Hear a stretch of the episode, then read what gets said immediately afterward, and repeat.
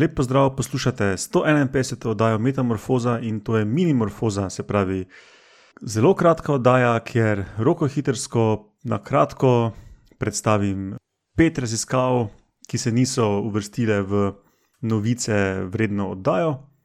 In kot vedno najdete povezave do poljudnih in znanstvenih člankov v zapiskih. Metamorfoza sicer ima svojo spletno bazno postajo na medijskem mreži Metina Lista, vse ostale običajne admin zadeve v rednih oddajah, in zdaj kar štartajmo s to minimorfozo. Raziskava ena. Vonjave so za živali ene ključnih informacij v okolju. In ene od takih živali, ki morajo dobro vohati, se pravi, pri katerih so vonjave zelo pomembne, so hrošči mrhovinari. Zakaj? Kot ime pove, um, morajo najti mrhovino, se pravi, neka truplica, pogosto um, malih sesalcev, kakšnih mišk in rok in podobno. Um, in ta truplica postanejo prva hrana za mladiče, ne? na ta trupla, na, te, na to mrhovino zležejo jajca in potem ličinke jejo to tkivo.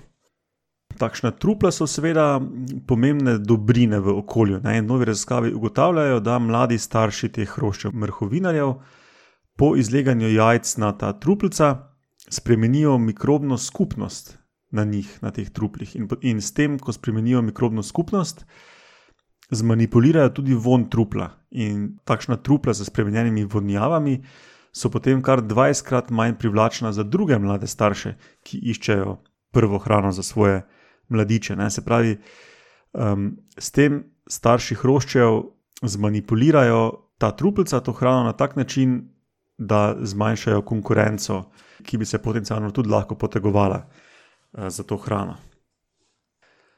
Raziskava dva. Gole miši so tako hecne, so tako hecni glodavci, ki živijo v podzemnih skupinah in so dobro znani uh, po svojem socialnem življenju. Ena skupina golih miši ima eno matico in dosti delovk. No, in gole miši se sporozumevajo s piski. In v novi raziskavi so ugotovili, da kolonije piskajo v svojih dialektih in da ti dialekti niso podedovani, ampak naučeni. Se pravi, delavke prevzemajo dialekt matice, kar je že kar nekaj vrste zametek um, kulturnega učenja, bi lahko rekli, ker se prenaša iz roda v rod. Raziskava tri. Pajki krogličari so kot ime pove, um, sorazmerno majhni pajki z, z okroglim zadkom, sem spada tudi črna vdova, pa tudi več vrst, ki so v in okoli vaših hiš. No, in ti pajki imajo na vides neurejeno mrežo, ampak znajo uloviti plen, ki je precej večji od njih samih. In v novi razkavi so pokazali, kako ti pajki sploh dvignejo in obvladajo tako zelo težek plen, ki je dosti krat težji od njih samih. Um, no, in pokazali so, da ti pajki uporabljajo svoje svilene niti uh, kot en škripec ne, in um, počasi, počasi vlečejo tisti plen više in više in ga sproti zapredajo. Um, tudi en video zapiskih. Raziskava štiri. Med vretenčarskimi plenilci danes najdemo vse sorte velikosti, od um, najmanjših rok, podlasic, preko srednje velike divje mačke, šakala, recimo, pa vse do um, velikih plenilcev, kot so tigri, levi in podobno.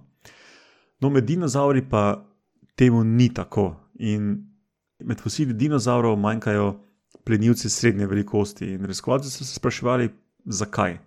No, in v novi raziskavi predlagajo, da je to zaradi značilne biologije dinozavrov.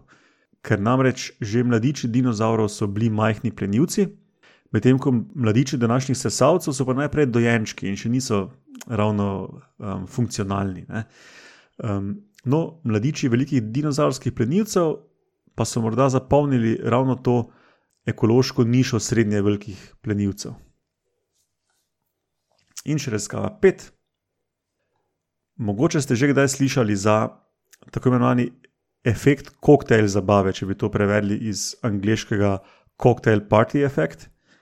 In to je, to je sposobnost živali, da v neki obilici podobnih si signalov prepoznajo samo en želen signal. Se pravi, um, ko je zelo hrupno, um, še vseeno žival prepozna oglašanje pripadnika iste vrste.